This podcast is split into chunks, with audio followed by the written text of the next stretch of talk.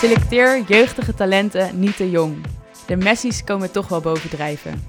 De titel van een artikel in de Volkskrant, waar bewegingswetenschapper en onderzoeker talentherkenning Sebastiaan Platvoet, of nee, ik moet inmiddels zeggen de kerstverse gepromoveerde dokter Platvoet, pleit voor selectie op latere leeftijd. Omdat Nederland waardevol talent verliest door ons huidige sportsysteem. Als we bij iemand moeten aankloppen om onze ideeën te testen over het ontwikkelen van talent in de sport, is hij het dus wel. In deze Ja-podcast leren we Sebastiaan Platvoet kennen, gaan we wetenschap en praktijk aan elkaar verbinden, ontdekken we wat talent voor hem is en wat we kunnen verbeteren aan ons sportsysteem. We zitten in een hele mooie loods in eh, het welbekende Durgerdam. Eh, met onder andere Sebastian Platvoet en mijn grote vriendin Susie Katz. En we gaan het vandaag eh, hebben over talentontwikkeling. Want eh, daar weet Sebastian een hele hoop van. Dus ik kijk heel erg uit al weken eigenlijk naar vandaag. Ehm, maar voordat we beginnen willen we jou twee vragen voorleggen waar je zo kort mogelijk antwoord op moet geven. En wat we zeker later vandaag nog gaan bespreken. Ben je er klaar voor? Zeker weten. Sebastian, wat is voor jou talent? Zo kort mogelijk antwoord. Zo kort mogelijk antwoord. Geen idee. Oké, fair enough. Twee, welke elementen, eh, als jij het voor het zeggen zou hebben, eh, zou jij, of vind jij het meest belangrijk als het gaat om talentontwikkeling programma's? Dus welke key elements, als het aan jou lag? Als het gaat echt om programma's, dan zou ik zeggen, eh, laten we eh, stoppen met selecteren. Eh, in ieder geval eh, stoppen met selecteren onder de 15 jaar oud. Dus dat is een van de hele belangrijke aspecten. En het tweede aspect waar ik zou zeggen, eh, wat essentieel is, dat we eh, mensen in de begeleiding zetten die capabel zijn. Die opgeleid zijn, die verstand van zaken daardoor ook hebben. Meer hebben dan gemiddeld. Mhm. Oeh, ik ben nu echt wel heel nieuwsgierig om echt helemaal uit te vragen, want dit zijn eigenlijk al hele grote, mooie antwoorden. Zullen we dat gewoon gaan doen? Of willen we eerst weten wie is Sebastiaan nu eigenlijk? Dat lijkt me wel leuk voor de luisteraars, dat ze eerst weten komen met wie we hier eigenlijk in gesprek zijn, Ja. voordat we de diepte ingaan. Ehm trap hem af. Ja, Sebastiaan, wat, wie ben je? En waarom doe je wat je doet? Ja, dat is, eh, ja, waar moet je dan beginnen? Hè? Ehm, ik ben een eh, bewegingswetenschapper, sportwetenschapper. Ik werk op de Hogeschool van Arnhem-Nijmegen. Ehm, maar ben bovenal eh, papa van Mhm. twee kleine jongetjes, waarvan ik juist heel veel leer. Ja. ook in een sportieve ontwikkeling en schoolsontwikkeling. Ehm, ik woon in, in Utrecht. Eh, dat is heerlijk in het midden van het land. Dus, eh, Lekker centraal. eh, ja, lekker centraal. En ik ben eigenlijk gefascineerd, dat is misschien wat het allerbelangrijkste, door de sport, sportontwikkeling, sportieve ontwikkeling van kinderen, jongeren. Ehm, en dat heeft mij van kleins af aan gefascineerd. Ik ben een klein jongetje geboren en getogen in het Twente, Mhm. eh, in Oldenzaal. Tennissen, handballen. Eh, een sportcarrière een beetje doorgemaakt, de klassieke, twee sporten doen. eh, Ja. Toch ergens beide best wel een beetje kunnen. Dus tennis en Handbal. handbal. Hm. Ja, en dan toch moeten kiezen. Ja, kies het voor de teamsport. Daar lag toch wel mijn meeste passie, denk ik ook het meeste aanleg voor had. Ehm, en van eigenlijk ja, door mijn omgeving, mijn vader was handbaltrainer, eredivisieniveau. eh Hm. eh, ja, doe je middelbare school, moet je verder gaan. Wat een god, moet je opleiding doen. Hm. Eh, nou, kies maar een opleiding waarbij ik nog een beetje kan blijven sporten op niveau. Dus ga je de ALO Sportacademie doen. Ehm, maar al snel daarin de eh, gedachte van ja, de verdieping ontbrak een beetje. Ik had vroeger een VWO gedaan en dan mis je dat toch wel die verdieping. Dus ja, 1, 2 verder in. Ja, wat vind ik erg leuk? Nou, psychologie en eh, sport. Hm. Ehm, ja, ga je dan psychologie studeren of bewegingswetenschappen? Ja. Uiteindelijk toch bewegingswetenschappen. Sorry voor jullie. Ehm, dat interesseerde me enorm, maar wel daarin weer verder gegaan en gespecialiseerd in de sportpsychologie en Mhm. talentontwikkeling. Mhm. Ehm, ik heb even op middelbare school gewerkt. Uh, maar daar kon ik me ei ook weer niet vo volledig Als kwijt. gymleraar? Als gymleraar, Ja. ja. ja, Niet helemaal dat ik wel echt mijn ei kwijt kon. Want wat, wat is dat dan als je zegt van ja, ik kan daar niet echt mijn ei kwijt? Wat betekent dat? Eh, dat de, eh, met name de, de, ik denk de intellectuele verdieping, de- dat, dat ik dat voor mij een beetje ontbrak. Mm. Ik vind het leuk om continu in ontwikkeling te zijn. En in het onderwijs merk ik toch al snel. Vergaal zei trouwens een tijdje terug, las ik ergens, dat vond ik een hele mooie. Die zei van, ehm, ja, ik ben heel ambitieus. In het onderwijs zijn natuurlijk lang niet alle kinderen altijd heel ambitieus. Ligt misschien ook voor een groot deel aan de docenten natuurlijk. Hè? Dus je hebt die uitdaging om ze ambitieus te maken. Maar niet elk kind is Ja. ambitieus voor sport of elk kind is ambitieus voor rekenen. Dat maakt er niet zoveel uit, welk vak het dan over gaat. Ehm, maar daardoor matchte ik niet helemaal met, het bewegingsonderwijs. En ik denk dat dat misschien voor mij hetzelfde ook wel een beetje geldt. En ik vind die combinatie van bewegingsonderwijs en sport ook heel leuk. Maar in de sport trekt me toch ook altijd wel weer dat eh, presteren. Het maximale uit jezelf willen halen. Eh, dat intrigeert mij. Is dat wat je nog steeds heel erg ook bij jezelf aan het doen bent? Van het maximale uit jezelf Nee, halen? totaal niet. Nee, voor Nee? mezelf. Nee, nee. Ik stond op een gegeven moment op een tennisbaan en toen dacht ik, Jan, ik ben alleen maar met mijn kinderen bezig. Ik keek aan de andere kant van het net en ik zag iemand tennissen en denk, ben ik tot dit niveau gedaald? ik sta nog achter ook nog. En toen was ik er klaar mee. Dat was echt een rekkers daar in die tas en eh, dit doe ik dus nooit weer. Oké, maar dat Nee. is op sportgebied dat je niet meer het maximale uit jezelf... Ja, maar en haalt, nou, ik heb een beetje genuanceerd, want als ik aan het hardlopen ben en ik zie iemand voor me, Ah, ja. denk ik altijd, die moet inhalen. Ja. Dus dat, zit ook, dat is ook wel vervelend hoor, want sommigen lopen best hard. Ja. dat moet ik toch hadden. Dus ja, dat zit er ook wel, eh, ja. Het enige prestatieve zit er toch eh, ergens wel in. Ja. Maar dat is ook belangrijk, toch? Ja, ik weet niet of het belangrijk is. Het is natuurlijk een hele eh, diepe vraag die eh, wordt even gesteld. Is het belangrijk? Ik probeer kinderen het wel te leren. Dat als je iets wil, ook mijn kinderen in ieder geval, als je iets wil bereiken, dan moet je er iets voor doen. Ja. Ja, mijn zoontje zegt al eens, eh, dan fietsen we langs het stadion naar FC Utrecht. Wanneer ga ik daar voetballen? Mm. Ja, dan zeg ik nou, eh, behalve dat die kans natuurlijk altijd per definitie niet zo groot Ja, is. ja. Je had toch wel iets vaker die bal misschien moeten pakken in plaats van al die andere dingen die je ook leuk vindt. Ja. Oh ja, oh ja, oh ja. En vind je dat je zo'n aanleg heeft? Want je noemde net zelf het woord aanleg. Je zei in je eigen verhaal van, ik had daar misschien iets meer aanleg voor. Ja, hij is, eh, mijn oudste zoontje is nummer 8. En dan vind ik het heel lastig. Hè? Mm. Ik denk ook niet dat we in staat zijn op die leeftijd al te zeggen van... ehm, eh, en sowieso moet je niet praten over talent. Misschien is aanleg dat betreft wel een mooie woord. Eh, omdat je dan iets meer zegt van wat heb je meegegeven min of meer bij je geboorte. Hm. Ik denk dat hij er wel ehm, voor bewegen een bepaalde aanleg heeft. Hm. Ehm, waarin dat dan is en in welke sport dat uiteindelijk is. Hij vond Tour de France wel fantastisch om te kijken. Hij kon er echt uren naar kijken. En ik dacht van, eh, nou wat is het saai. hij vond het fantastisch. Hij deed de tv aan en hij zat te kijken. En eh, op de fiets is hij nu heel de tijd, eh, ja, hij wisselde per dag. Dus hij ging van Dumoulin naar Roglic en de laatste dag was hij Pogacar. Oh, ja. Dus, Hij was wel- gewoon voor de Sorry, beste. gewoon de beste, ja. Ook wel een slimme keus. Maar dat, Hm. ja. Ja, dus nog even voor de luisteraars. We hadden het net voor de opname over de Tour de France. Van, eh, en daarin gaf je eerlijk toe van... nou, ik vond het drie weken wel niet super interessant om te kijken. Zeg ik, zeg ik daar, val ik het daar goed mee samen? ja, het was heel voorspelbaar. Ja. En sport is leuk als het niet voorspelbaar is. Daarom vond ik die laatste, eh, die tijd, klimtijdrit eigenlijk wel leuk. En Hoe zat je Je toen zag- op de bank?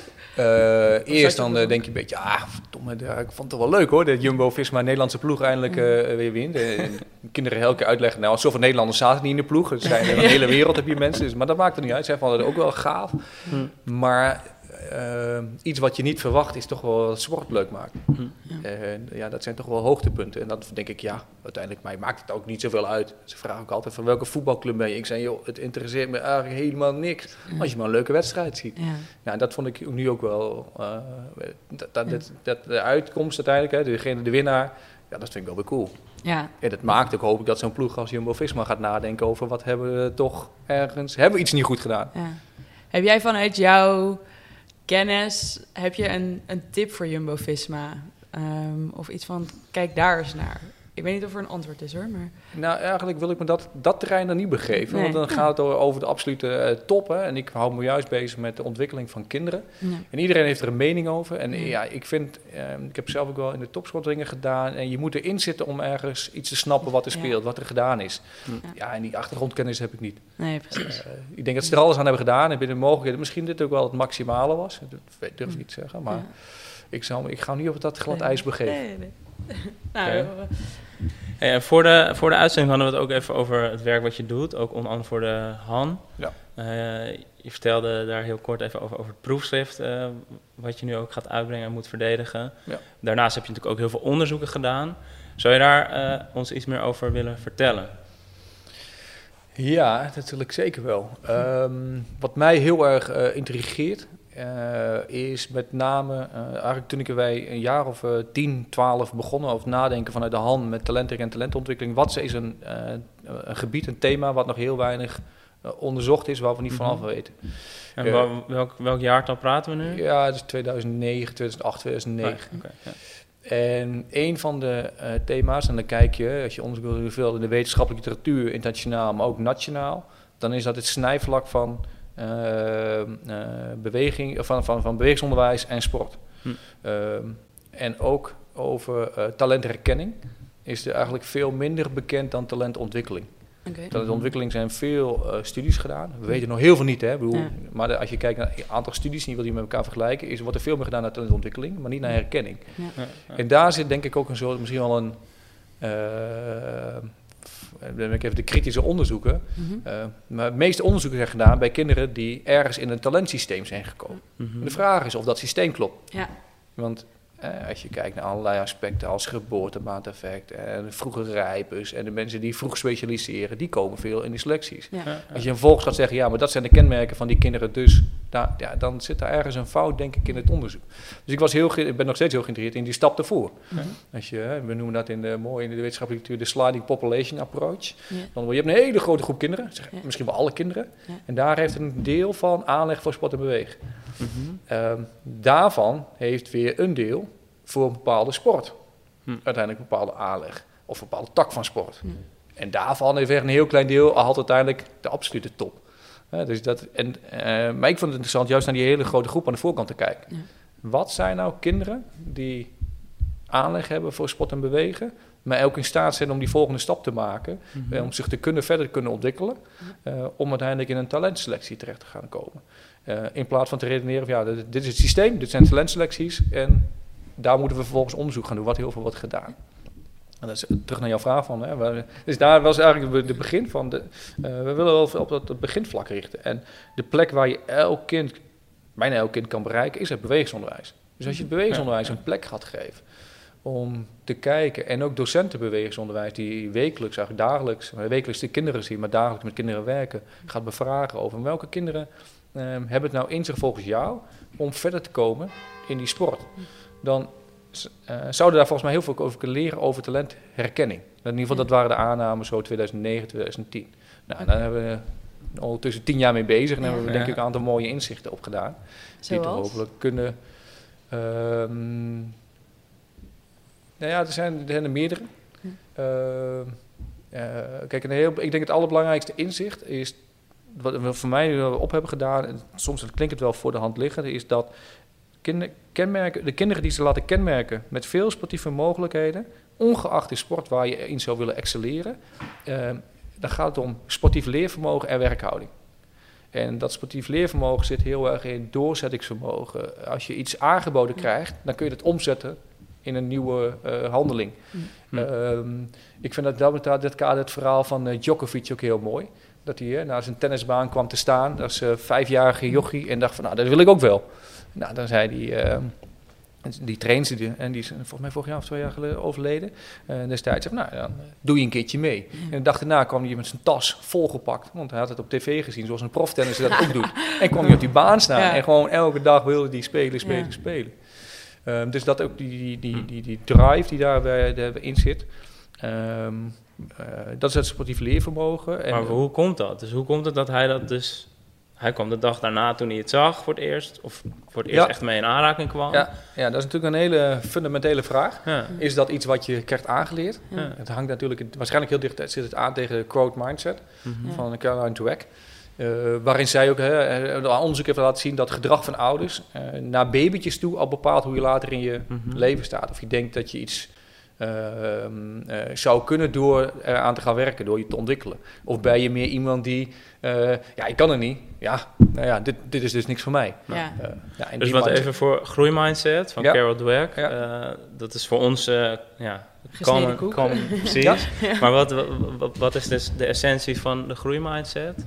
Voor mij is de essentie dat je ehm, gelooft dat als je inzet pleegt, als je hard gaat werken, als je gaat proberen, ehm, dat je je zaken eigen kan maken. Mhm. En tot welk niveau dat is, Hm. weet je, eh, dat zal weer afhankelijk zijn ook weer van, van een stukje eh, misschien wel eh, hoeveel genetisch je geschikt bent voor een bepaalde activiteit om het te gaan doen. Mhm. Ehm, maar dat is wel een heel, eh, dat is voor mij de, de kernessentie van de growth mindset, groeimindset. Ja. Dus het gaat niet zozeer...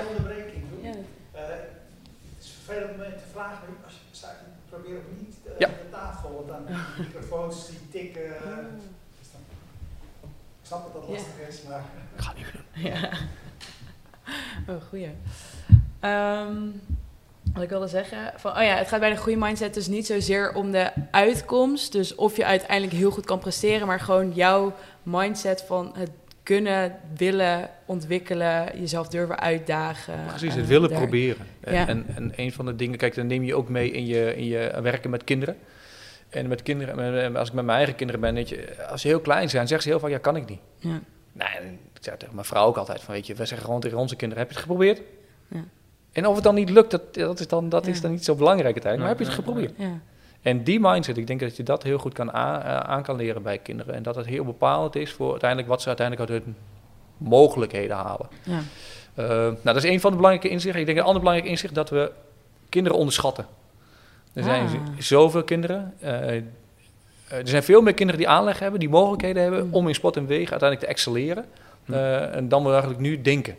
We zijn heel snel, is toch wel het systeem dat we wel eh, in een aantal sporten als turnen, maar ook voetbal, willen selecteren. Een klein clubje Mhm, willen mhm. hebben. Ja. Maar daarbij sluit je ook kinderen buiten. Ja. Ik ben dus ook even vanuit de onderzoeken gekomen. We hebben onderzoek gedaan bij een voetbalclub in Nederland, bij een eh, professionele voetbalcllub, in de jeugdacademie. En dan selecteren ze voor een onder 11. Ja. Maar ze selecteren 16 spelers omdat ze 16 plekken hebben. Ja. Dus ze kijken niet naar, de ene jaar hebben we misschien wel meer en de andere jaar wat minder. Ehm, terwijl er veel meer op basis van onze testen eh, de aanleg hadden, de mogelijkheden hadden om misschien wel door te groeien tot een goede voetballer. Dus daar lopen we eigenlijk tegen een heel groot praktijkprobleem aan. Dus de wetenschap toont aan van selec- vroeg selecteren, doe het eigenlijk niet. Ehm, en dan komen we in de praktijk van ja, er zijn in dit geval in die voetbal of bij die voetbalclub er zijn 16 plekken. Ja. Dus de rest sluiten we. Ja, het is. eh, ik wil niet te zeggen dat de wetenschap zegt van niet, vroeg- je- moet niet vroeg selecteren. Eh, het is heel erg afhankelijk van wat je vertrekpunt is. Als je vertrekpunt is de ontwikkeling van elk kind, Mhm. dan moet je vooral niet vroeg selecteren. Ja. Als je vertrekpunt is, ik wil voor mijn eh, club eh, het beste team hebben Ja. op de, bij de onder 12, wat ze bij het amateurclubje van mijn zoontje bijvoorbeeld roepen, ja, dan misschien moet je dan wel vroeg gaan selecteren. Ja. En dan heb je de, van de 80 jongetjes, dan selecteer je er eh 10 of 12 op 7-jarige leeftijd. Dan geef je ze alle mogelijkheden. Ja. Maar dan dan- praat je dus wel in het hier en nu. Dus dan kan je de beste jongetjes in, op de leeftijd van 12 jaar, op dit moment, kan je dus selecteren. Ja. Maar dat betekent nog niks over de mogelijke potentie of de, de uiteindelijke prestaties die ze bijvoorbeeld op 18-jarige leeftijd Precies, dat is, dat, is de, dat is heel duidelijk. Hè? Wat we Ja. vanuit de wetenschap weten. Dat de huidige prestatie, prestatie op jonge leeftijd... een hele slechte voorspeller is voor prestatie op latere leeftijd. Ja.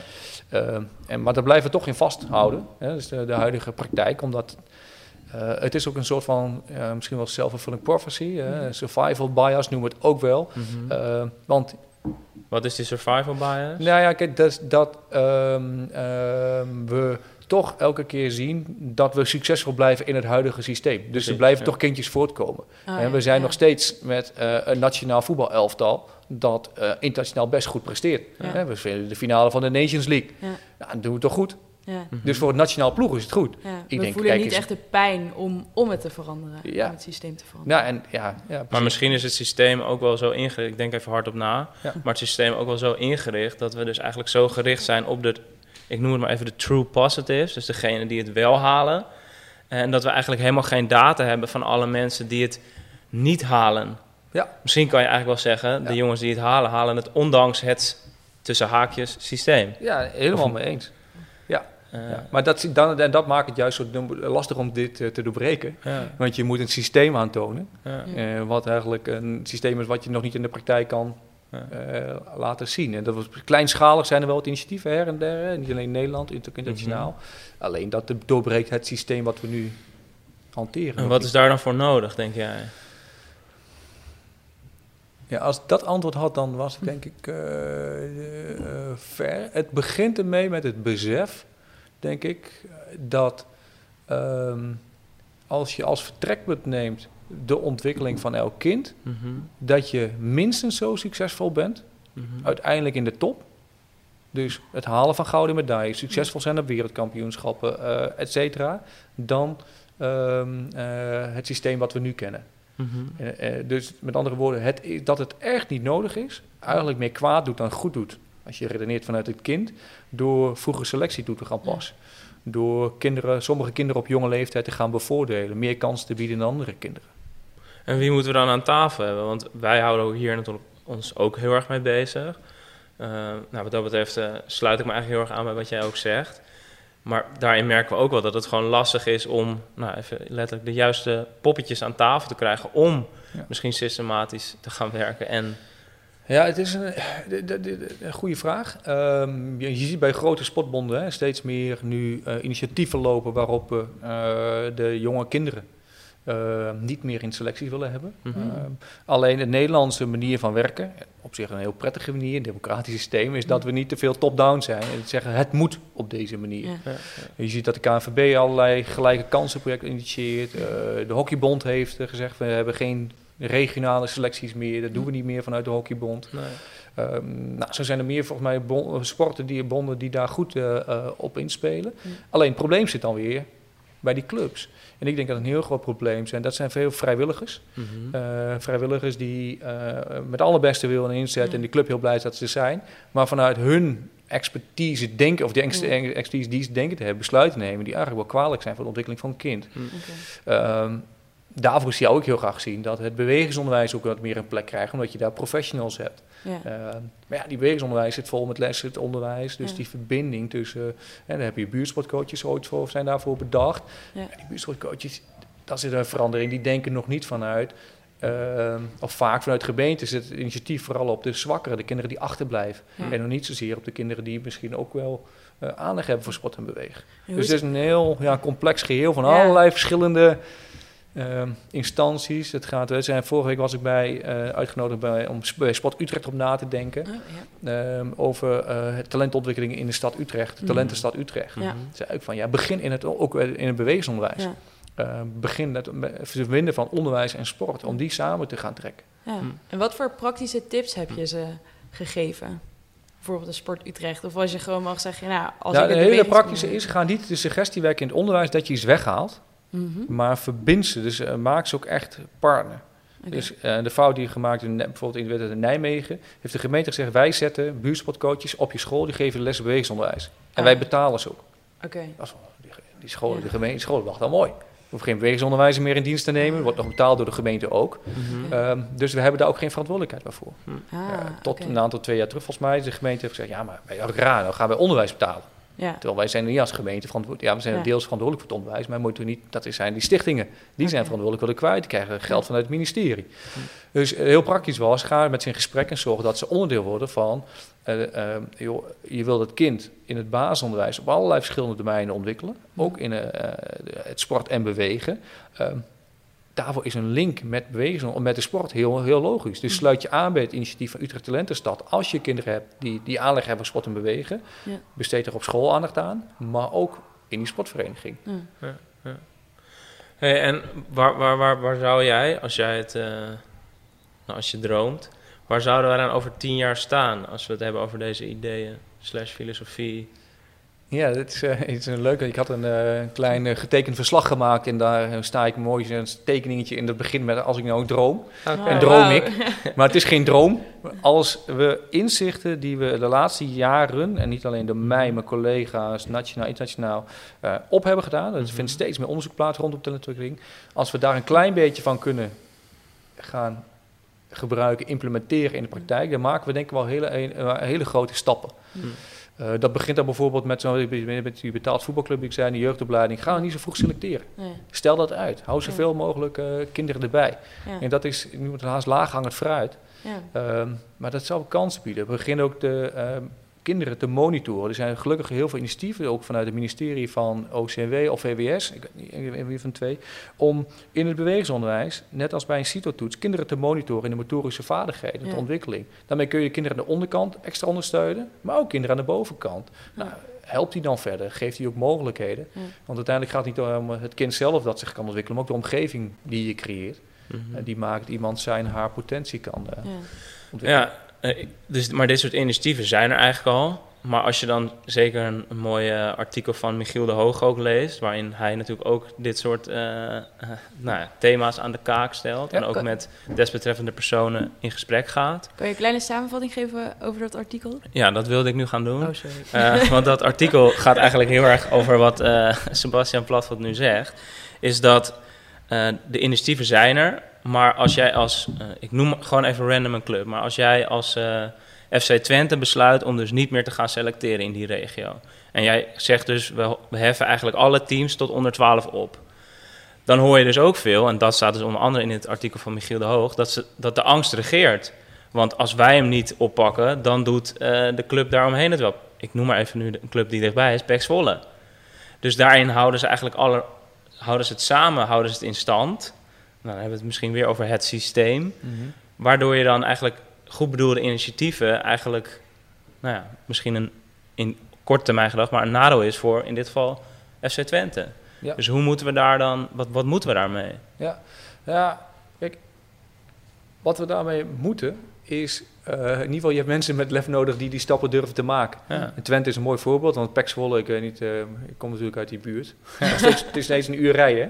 Dus eh, van, eh, en is van Hengelo naar Zwolle. Dat is voor de jonge kindjes best ver. Ik hoop dat ze het niet doen. Alhoewel, ik ken ook een verhaal, dat is wel een leuke anekdote trouwens. Is een jongetje, ehm, die woonde naast het stadion waar FC Twente traint, de jeugdopleiding. is Mhm. in Veldwijk in Hengelo. Ehm, volgens mij negen jaar oud. En werd gezien door Twente, oh, die kan wel voetballen. Die zouden wel eens eh, graag bij de club willen hebben. Maar Twente had een onder 11, dus 9 jaar. Volgend jaar mag je komen. Mm. Vitesse kwam langs Ah, en die zei, maar bij ons mag je al direct komen. En wat gaan die ouders doen? Drie keer in de week met die ouders, uurtje heen, uurtje terug. Ja. ja. Ik denk dat hij heel veel kwaad doet voor zo'n kind. ja. Gelukkig is er later een hoofdopleiding gekomen die nu bij de KNVB zit. Alois Wijken, die heeft gezegd, ja, maar dit gaan we niet meer doen. We hebben gewoon een cirkel getrokken rondom Arnhem. Dit is ons gebied. Als je verder moet reizen, dat eh, is gewoon ongezond. Dat gaan we niet doen voor de kinderen. Ehm, dit is het. Dus eh, hij is echt voor die kinderen gaan staan. Ja, eigenlijk wel. Ja, Oh. ja. Oké. Maar is, dus dat soort mensen, en Ja. nu noem je Alois Wijnker, Ja. ehm, dat is dus nodig. Ehm, maar stel nou dat dus de omringende clubs dat niet doen. Ja. Wat, wat, Ja, dit- wat gebeurt er dan bijvoorbeeld met Vitesse? Want eigenlijk kunnen we de resultaten daar pas van zien in, in de toekomst. Laten we zeggen over 10, 12 jaar. Want zo lang duurt een jeugdopleiding gemiddeld nu. Ja, kijk, is een, ik- het antwoord, ik durf niet te zeggen dat ik het, het antwoord al heb. Maar ik ben ervan overtuigd dat als we met dat soort eh, voorbeelden laten zien. eh, ik vind de AZ wat dat betreft ook wel in het voetbal hebben we het toch wel even Mhm, hebt, hè, toch ook mhm. wel een mooi voorbeeld. Ehm, dat ze laten zien dat eh, door jongetjes veel meer bij hun amateurclub langer te laten zitten, ze Mhm. veel meer spelers kunnen eh, eh, bedienen uiteindelijk ook. En kunnen volgen in ontwikkeling. Hè. Talentherkenning is vooral ontwikkeling van kinderen volgen, om te kijken hoe ze zich ontwikkelen en of ze misschien wel heel veel potentie hebben. Ehm, FC Utrecht is dat nou aan het doen, samenwerking met verenigingen aan het aangaan, terwijl Utrecht ook wel in een gevaarlijk gebied zit, maar die zit wel vrij dicht bij allemaal grote concurrenten. Dus je ziet allerlei van dat soort initiatieven die nu van de grond komen. Mhm. En dan heb je voorbeelden nodig waarvan anderen denken, oh, wacht even, zo kan het ook. Wat dat betreft kunnen we ook heel veel leren van het wielrennen. Waarin eh, ook de KNWU zegt, een beetje, eh, nou, ook durven in te gaan tegen NSNSF. Ja. Ehm, wij moeten niet selecteren. Ja.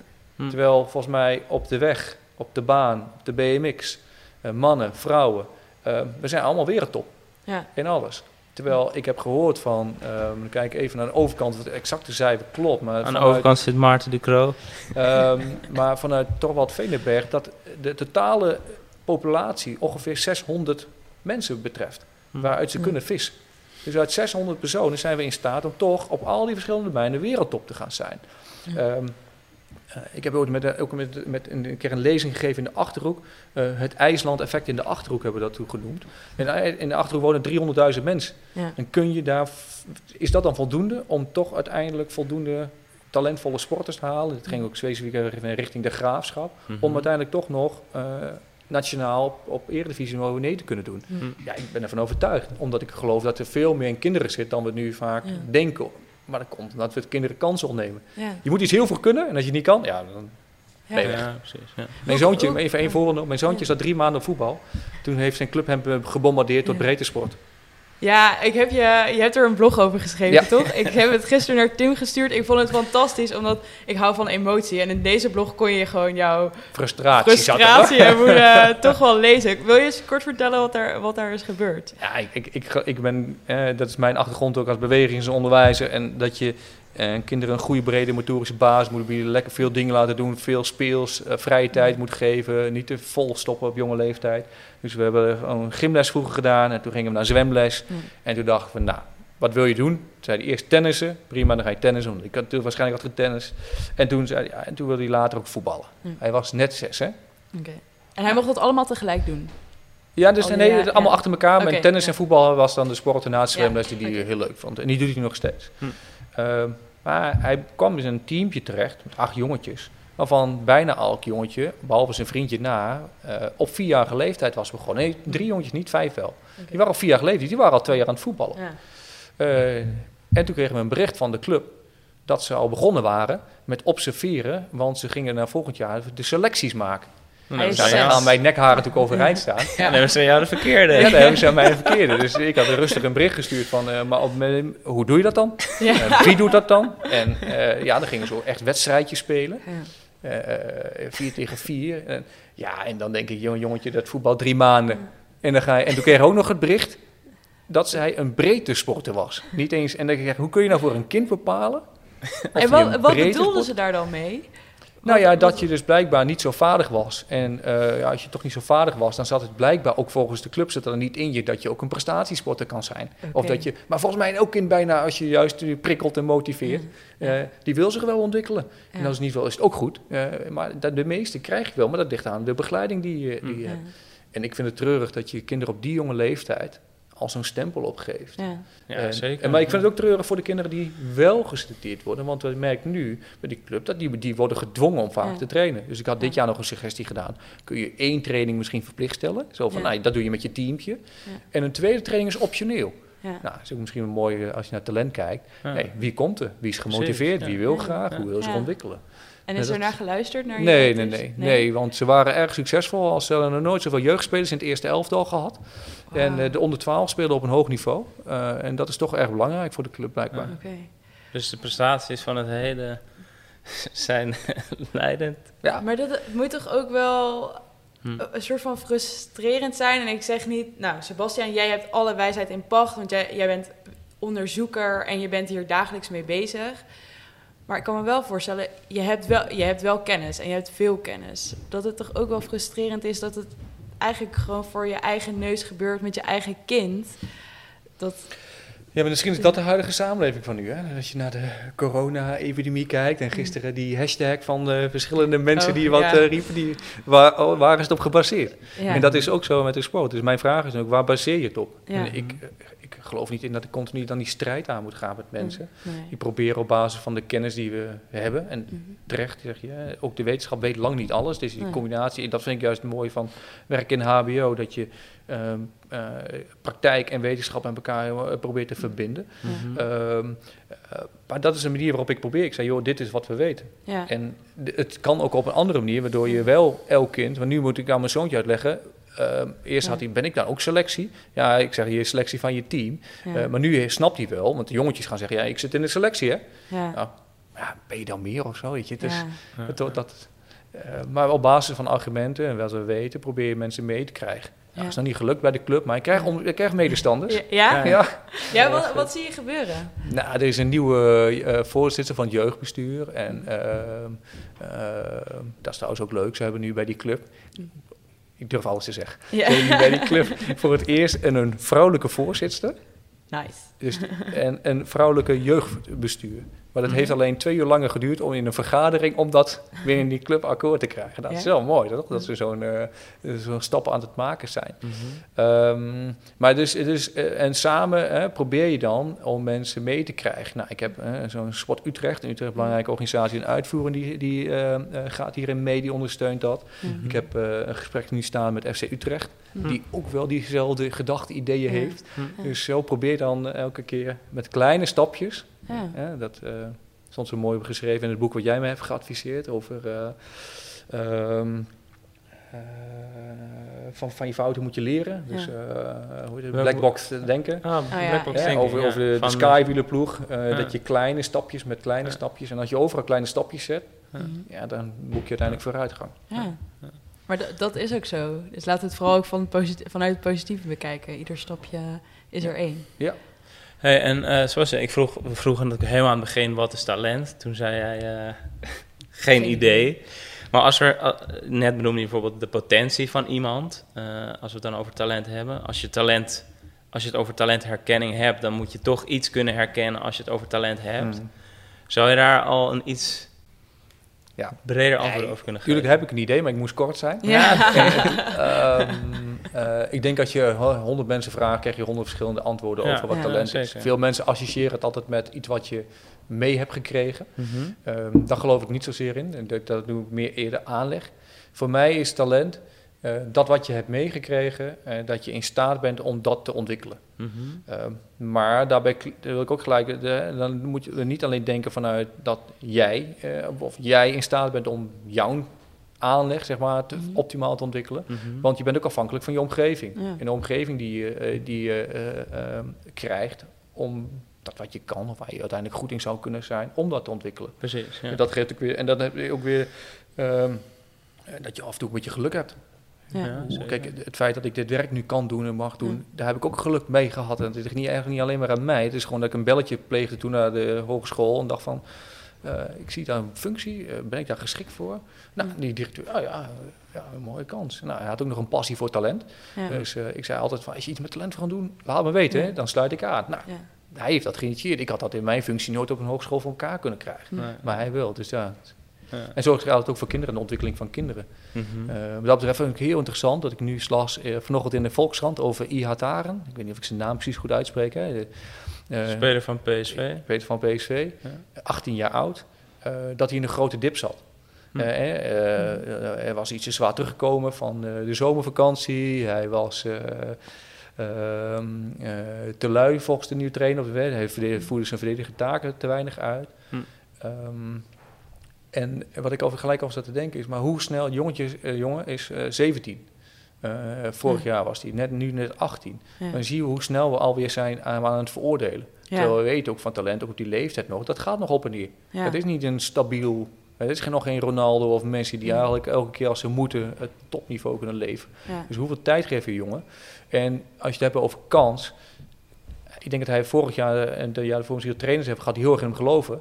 Maar als hij Smieten misschien, dus volgens mij de trainer van PSV, ehm, een jaar eerder was geweest, dan had hij die kansen misschien wel niet eens gehad, omdat hij niet zo gelooft in hem.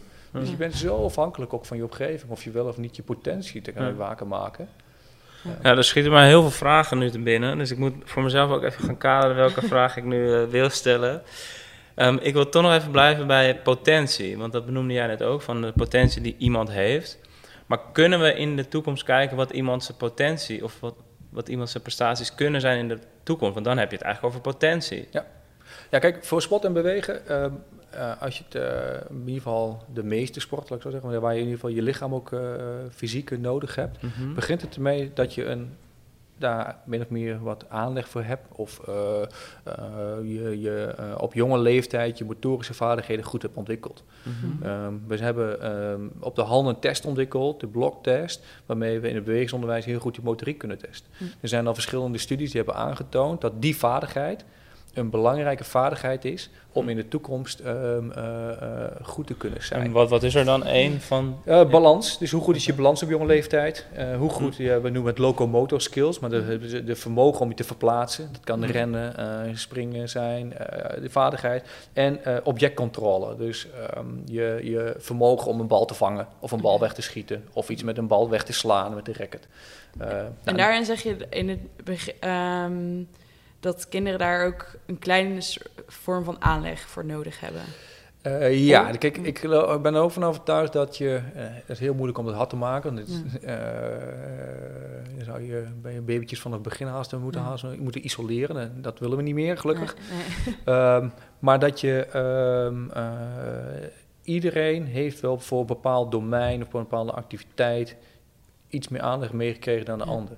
Kijk, wil je excelleren in een eh, duursport... dan is het ook wel belangrijk dat je een vrij grote VO2 max hebt. Ja. Mhm. Tegenwoordig weten we ook dat je dat veel meer kan trainen dan, Ja. dan we vroeger de, de- dan Mhm. dachten dat het kon. Ja. Ehm, maar dat zijn wel deels dat genetisch bepaald. Ook, hè. Ja. Die spiervezeltypering is ook genetisch bepaald. Ja. Nou, dus dat is, dat is die aandacht die, die je meekrijgt. Hm. Ehm, maar die motoriek, en dat is wat, wat we kinderen in onderschatten. Hè. We Ja. zien toch weer nog steeds dat de vaardigheid van kinderen nog steeds aan het afnemen is, motorische vaardigheden. Ehm, dat heeft te maken met, eh, denk ik, met, met, eh, de hoeveelheid tijd die kinderen buiten spelen, eh, toegenomen schermtijd. Eh, maar ook bij de kwaliteit van eh, wat in het onderwijs plaatsvindt en de kwaliteit die bij sportverenigingen plaatsvindt. Eh, maar op het moment dat, je, dat als we dat wel goed voor elkaar hebben, Mhm. dan geef je veel meer kinderen, zijn, dan geef je de ruimte, de mogelijkheid om wellicht hun potentie voor sport en bewegen te ontwikkelen. Maar is die motoriek niet goed, Ja. ja. dan ben je kansloos. En wat Hm. is er... Kansloos zelfs. Ja, dan ben je kansloos. Ben ik zo, eh, we zien ook studies terug hè, die laten zien dat als je motoriek niet goed is, je veel vaker geblesseerd raakt. Hmm.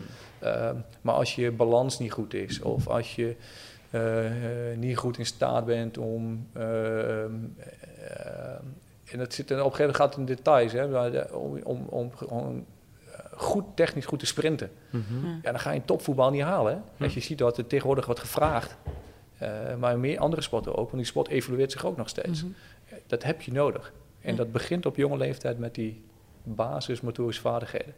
Maar jij zei, jij zegt natuurlijk, eh, je zei ook eerder aanleg. Hè? Dus nu hebben we het over het stukje aanleg. En Ja. ook de wil om te ontwikkelen of het Ja. te kunnen ontwikkelen, de groeimindset. Eh in hoeverre zit hier dan nog rek in als je het hebt over deze motorische vaardigheden? Hoe Want je zei net, het is Ja. kansloos als je dat niet hebt. Ja, als je het niet hebt. Dus het is essentieel dat je op jonge leeftijd, hè, we weten van die motorische vaardigheden, Mhm. eh, die kun je tot een jaar of twaalf goed blijven ontwikkelen. Hm. Ja, maar op een gegeven moment dan neemt je het grafiekje neemt af en je kunt het nog wel een klein beetje ontwikkelen, maar veel minder. Hm. En vanuit de, eh, de theorie van het motorisch leren is juist die piek van dit fundamentele bewegingsvaardigheden moet zo tussen je eerste eh, levensjaar en je achtste, negende levensjaar. Dus daar moet je daar in investeren. Op het moment dat je dan ook heel vroeg sport, sportspecifiek gaat trainen, Ja. ja, dan, dan laat je een heel deel liggen. Ja. Dan, dan ben je ook, eh, dat zie je trouwens zie je het veel. We hebben nu, hè, eh, de KVB is de talentenmonitor aan het uitrollen in Nederland. Ja. We hebben al een aantal eh, proefmetingen gedaan. Wat, wat is dat? De talentenmonitor is een systeem waarop ze eigenlijk willen zeggen, we willen veel meer gaan monitoren. Mhm. Dus we willen talentvolle voetballers in Nederland, vanaf de ongeveer onder 13 tot en onder 19. Ja. Ehm, zowel fysiek, motorisch, maar ook eh, psychologisch en cognitief Mhm. eh, hun vaardigheden in kaart brengen. En de KVB het uitrollen om de clubs erbij te ondersteunen. Nou, we hebben dat al bij Nationaal onder 15 gedaan. Toch, als je ziet hoe relatief laag de balans is, de balansvaardigheid van, van die spelers. ehm, ik, dat zou wel eens een gevolg kunnen zijn, ik kan geen causale verbanden hier aantonen, van eh, toch al het vroeg, vrij vroeg eh, sportspecifiek aan de trainers zijn Ja, gegaan. ja. Hm. De ik, zie je heel eh, bedenk, ja, ik zie je heel bedenkelijk kijken, Tim. Nee, ja, mijn hoofd gaat alle kanten op af en toe. Dus eh, ik heb eh, veel vragen voor. Maar ik ben eh, heel maar je, blij. je had het over, dat vind ik interessant, je had het over die potentie. Maar Ja. motoriek is dan een aspect. Hè. Maar dat Mhm. bepaalt vooral of je dat, ehm, die aanleg voor sport en beweging hebt. Want dat heb je toch nodig, hè, Ja, die motorische vaardigheid.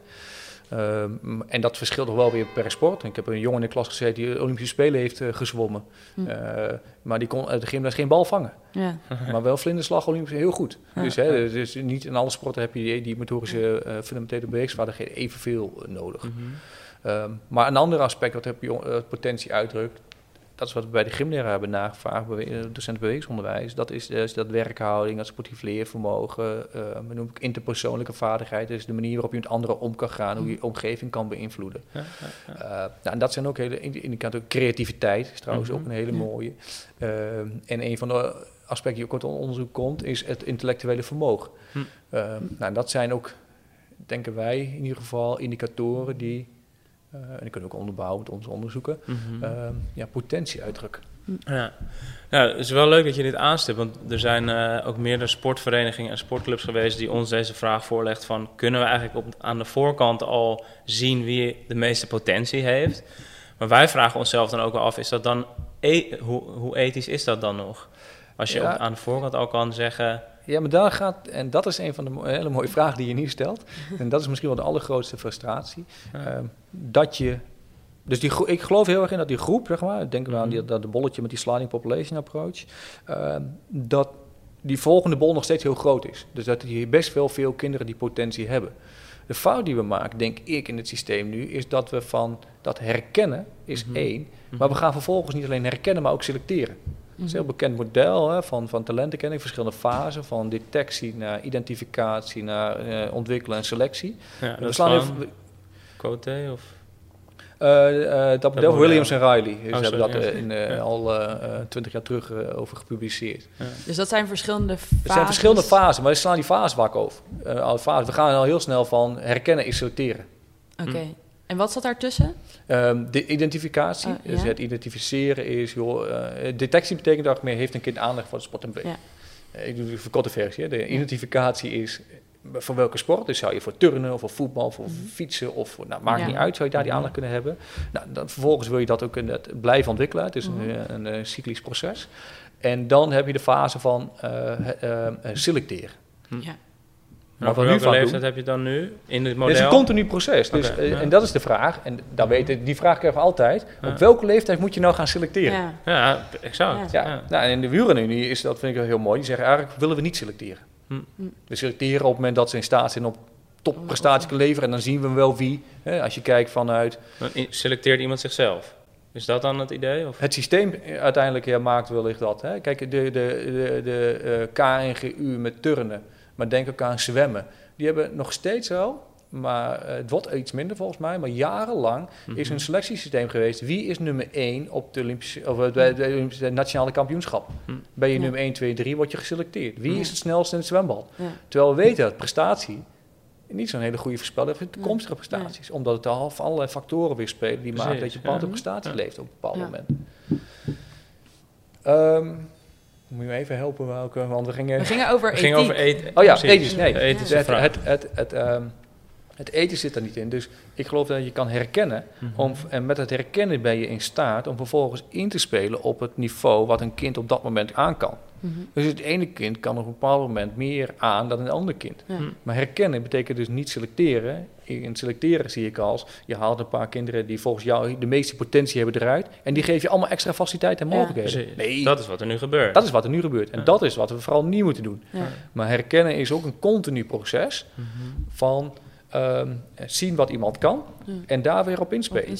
Nou, en dat is waarom bijvoorbeeld in wezenonderwijs zeggen: monitor nou die ontwikkeling van de kinderen. Ga nou eens die motorische vaardigheid. Want je, je ziet ook, hè, dat is ook wat ik van clubs, eh, van voetbalclubs natuurlijk krijg. Ja, maar je ziet toch die ene beter is dan de ander. Ja, dat klopt. Ja. Maar dat is toch geen reden om dat ene kind dan op je jonge leeftijd al meer mogelijkheden geven dan de Ja. ander. Want je weet niet hoe het over een jaar is. Ja.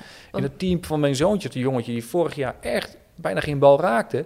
Hij heeft dit, hij is topscorer er nu toe. Hij schiet elke bal erin. hè. Ja. Dus dat is... Mhm. Dus soms kan het op dat moment zijn dat iemand beter is dan iemand anders. Maar dat wil gewoon niet zeggen of het in de toekomst ook zo is. Nee. En misschien dat jongetje die inderdaad Ja. niet zo vaak de bal heeft aangeraakt... blijkt 1, 2, misschien 15 jaar later... in één keer de topscorer van het Nederlands elftal te zijn.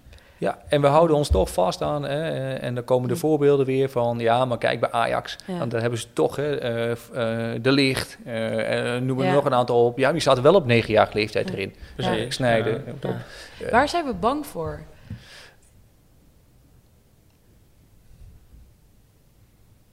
Ja, en als je specifiek hebt over ehm, eh, eh, de, het voetbal, is het vooral de concurrentie. Dus bang voor om de ene Messi te missen. Ja. Je zult Messi maar missen. En ik denk dat we ondertussen heel veel uh, Martin Roonse misschien wel uh, aan het uh, verliezen zijn. Want uh, die valt dan wat minder op. Er stond gisteren een mooi stukje in de Volkskrant weer over uh, een scoutingapparaat. Hoe die We weten nu dat is. Sebastian de Volkskrant leest. Ja, dat is duidelijk. um, maar dat vond ik een mooi stuk ook. Zei van wie, waarom valt een, een club als, uh, als Bergamo hem op? Waar kijken ze dan naar? Ja.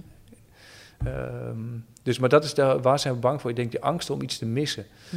Uh, terwijl, uh, en dat is de uitdaging voor, zie ik voor, voor mij en voor mijn collega's, om duidelijk te maken dat uh, die angst niet, niet, niet nodig is. Ja. en niet eens gegrond misschien is. Nee, niet eens gegrond is. Ah. omdat de ontwikkeling Weet je, als je 12, 13, 14 bent, dan heb je nog heel veel tijd, heel veel jaren om je verder te Ja. ontwikkelen. Kijk, wanneer Sanne Wevers is gaan, een Ja. gouden medaille heeft gehaald. Van mij was ze 24, Ja, 6, zoiets. 24, waarop ze een gouden medaille had. Hm. Misschien niet 16 of 15, maar Nee. dat- ja, ja, Ja. het jaar dat je 16 wa- wordt, mag je mee de Olympische Spelen. Ja. Dus je hoeft niet op uh, 9-jarige leeftijd al 25 uur in de zaal te staan. Ja. denk ik. Hè? En ik snap ook, want dat is wel een beetje misschien wel een gevaarlijke uitspraak. Mhm. Ehm, omdat we daar ook nog niet zoveel van weten hoe, op welke leeftijd moet je dan wat precies kunnen Mhm. Ja. om uiteindelijk in een bepaalde sport echt te kunnen excelleren. Dus de vraag op welke leeftijd moet je selecteren, ik durf daar geen hard antwoord op te geven. Nee. Ik denk wel dat we het nu veel te vroeg doen. Ja. En dat is ook al informatie, hele waardevolle informatie. Zeker. Ja. Ehm, We krijgen van natuurlijk Maarten eh, een, een symbool, een symbool van, van een bal of een soort van afronden. Ehm, ja, ik ben nog wel, wat je, je, noemde onder andere ook eh, het leuk vinden. Eh, dat noem je ook over je zoontje. Vond volgens mij tennis en voetbal het leuk, zei je letterlijk. Ehm, in welke mate speelt plezier dan nog een rol als het ook gaat over talent, herkenning, ontwikkeling, identificatie? Ja, ik denk dat als er, eh, we hadden het over eh, Winston Bogarde en zijn opmerking, je mag niet meer lachen. Ja. Ik denk als die lach er niet meer is en het plezier niet meer is, dan haakt iedereen af. Ja. Of je nou op topniveau eh, aan het spelen bent, maar als je niet lol hebt erin, in wat je aan het doen bent, dan is het gewoon onmogelijk vol te houden. Ja. Ehm, ik dat betreft, ik geniet ervan als ik met mijn jongste zoontje naar de zwemles ga. Die ook laatst zei van, ik ben, ik ben blij papa dat ik mijn diploma nog niet heb. Hoezo? Kan ik nog lekker doorzwemmen? Echt? Ik jongen, als jij wil zwemmen, dan gaan we toch hier naar die diploma, ga je toch op zwemles? Ja. Dan ga je toch blijven lekker bij die zwemclub zitten. Maar dat is toch het mooie, ik vind dat het allermooiste. En, ja, Je begint ook helemaal te En- stralen. En volgens mij... eh, wij ja, ook, maar dat is plezier. Sport is plezier. Sport is Ja. eh, niet ehm, eh, alleen maar... en Kijk, en, en door het leveren van prestatie en door je te ontwikkelen... en binnen jouw mogelijkheden iets, iets uiteindelijk te kunnen... ja, daar, daar, dat is ook plezier. Mhm. Ja. Ehm, ik vroeg mij vorige week kregen we de vraag... eh, wat is jouw je moet jezelf voorstellen aan de hand van je hoogtepunt in de sport. Ja. En toen zei ik van ja, bij Sport Utrecht was dat. Ik zei, ik heb niet een hoogtepunt. Ik vind het proces altijd leuk. Ja. Weet je, ik, ik moet ook mijn proefschrift verdedigen. Nou, ik heb, dat, weet je, dat geloof ik wel. Ik vind dat hele proces, dat is mij, dat is, Ja, vind ik een gaaf. Ik vind de sport ook leuk. Genieten Ik onderweg. heb, niet, ik heb ook met de, met, met jeugdteams eh, eh, nationaal, eh, de finale van het nationaal kampioenschap gespeeld. Maar ik vond dat de hele route daar naartoe en dat je die wedstrijd uiteindelijk verloren hebt, ja, dat ja, baal je er wel van natuurlijk op dat moment. Dan Mhm. zit er prestatieve, maar eh, het is de route naar en de, en de, de beleving die je hebt. Mhm. Ja, wat dat betreft de Tour, dat Jumbo-Visma niet won, ach ja, het was wel een, dit is een mooie trek wat ze in hebben gezet en daar leer je dan weer van. Dat vind ik het mooiste van sport eigenlijk. Dus die Oh. opmerking, eh, je mag niet meer lachen. Wij zeggen juist, lach alsjeblieft. We willen bij iedereen een lach op het gezicht zien. Precies, ja, mijn studenten zeggen ook wel eens, wat vind je nou het allerbelangrijkste? Vragen ze vlak voordat ze een diploma krijgen, wat vind je het allerbelangrijkste aan je leerlingen mee te geven? Ja, dat ze plezier krijgen in sport en B. Oké. En plezier, hoe doe je dat dan? Ja, nou ja, dan eh doe af en toe dingen die zij willen en zo. Dus daar staat bewegingsonderwijs voor. Dus dat ze plezier hebben. Dus als ze bij eh, de leraar Nederland zegt ook, oh, als ze maar plezier hebben aan eh, Nederland. Is dat, en ik zei, volgens mij is dat niet de essentie, maar gaat het erom dat je kinderen helpt te ontwikkelen in wat ze aan het doen zijn. Alleen dat kun je op een plezierige manier doen. Ja. Dat betreft die docu van Turn is natuurlijk schokkend, Mhm. omdat er niet op een plezierige manier kinderen worden begeleid. En dat kan, Mhm. van overtuigd. Nou, Ja, en ik straks denk ook komt, wel- eh, komt Esther Pardijzen, maker van Turn. Dus eh, Ja. daar mogen we ook mee eh, Interessant. in gesprek. Ja, Ja. absoluut. En ik denk ook over plezier, wat je zegt, heb plezier en ge- geniet ervan. Ik denk dat het ook veel meer gaat, ook als je het hebt over bewegingsonderwijs, dat je uit de bronnen waar je plezier uit kan halen, dat je die eigenlijk stimuleert als coach, als docent, als ouder. Ja. En dat het dus niet zozeer gaat om het roepen van heb plezier, en, maar Nee. dat het dus veel meer om die, bron, ja, die, die Ja. bronnen gaat. Precies, Maar, en hoe je met het kind omgaat. Precies, en dat je het ja. kind waardeert om alles wat hij doet. En niet dat dat allemaal ophangt aan een, je moet een bepaalde prestatie leveren. Nee, binnen jouw mogelijkheden. Eh, Ja. Doe je best, zet je in. Hmm. Doe dat duimpje dan omhoog. Dat, is, dat is, halen Ja. kinderen plezier uit. Ja. Een laatste vraag. Als, je, als er geen barrières zijn en, ehm, en je mag, mag dromen en je zou je eigen sportvereniging mogen oprichten, hoe zou die er dan uitzien? Wat, hoe zien we mensen rondlopen? Wat horen we? Wat ruiken we op zo'n sportvereniging? voelen we? Wat voelen we? Ja, je voelt, eh, ik noem het liefste dan, eh, ik denk toch aan mijn collega, de homo ludens. Het spelende kind. Mm. Er moet spel zijn. Eh, dat is ook iets wat mij kenmerkt. Vroeger we moesten handballen, dan moest er altijd een bal onder mijn arm. Ja. Eh, ook al moesten we heen en weer rennen in de Ja. zaal. Het gaat om plezier, het gaat om, om, om eh, lol hebben in dat je wat je aan het doen bent. Ik geloof ook wel in het presteren, dus het daarin Mhm. kunnen eh, je ontwikkelen eh, in, in je prestatievermogen, Mhm. eh, passie. Ehm, En ik geloof in als met de vereniging, ik heb er al over nagedacht ook nog. Ja. Ik ga mijn vereniging opliggen voor mijn eigen kinderen en allemaal kinderen eromheen. Ja, wij ook. Ja, wij ook. Dus we, sluiten, we maken een Ja, je hebt in Engeland zo'n voorbeeld. Maar gewoon waarin gewoon geen selectie plaatsvindt. Ja. En, weet je, maar je geeft wel de mogelijkheid om kinderen die meer willen, laat ze dan dat doen. Ja. Mhm. Wil je twee keer in de week trainen, dan kom lekker. Wil je drie keer in de week, oh, wil je vier keer in de week? Het kan. Ja. Maar vind je één keer in de week goed? Het mag Dan is ook. het ook oké. Maar snap wel uiteindelijk wat consequenties daarvan zijn. Ja, wat, wat Nou ja, kijk, als je er helemaal niet weinig ergens in stopt, komt er ook uiteindelijk weinig uit. Mhm. Mhm. En dat is niet erg. Dat is een keuze. hè. Ik vond dit interview met eh, Van Persie die over zijn zoontje had. Zei van, nou, wat wil je nou echt? Ja, ja. Dat is heel waardevol. Ja. Dat je dat, dat soort eh, boodschappen meegeeft. Ja. Mooi. Heel mooi. Dankjewel Dankjewel. eh, voor dit openhartige gesprek, Sebastiaan. Dank jullie En wel. we heb bellen genoten. sowieso nog over deze sportvereniging, want die gaat er hoe dan ook ooit Nou, dat doen we mee. Gaan Ja, we, ja, ja. ja. Nice. Dus, ehm, ja, heel erg bedankt.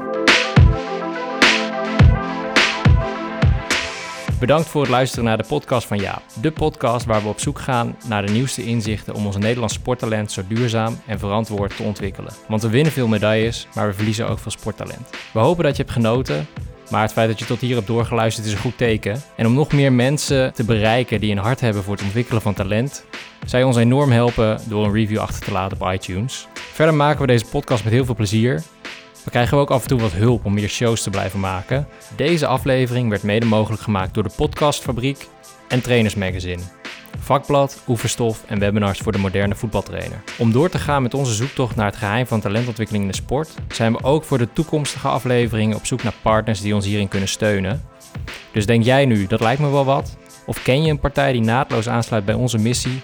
Neem dan even contact op met info.jaap.eu. Heel erg bedankt en tot de volgende aflevering.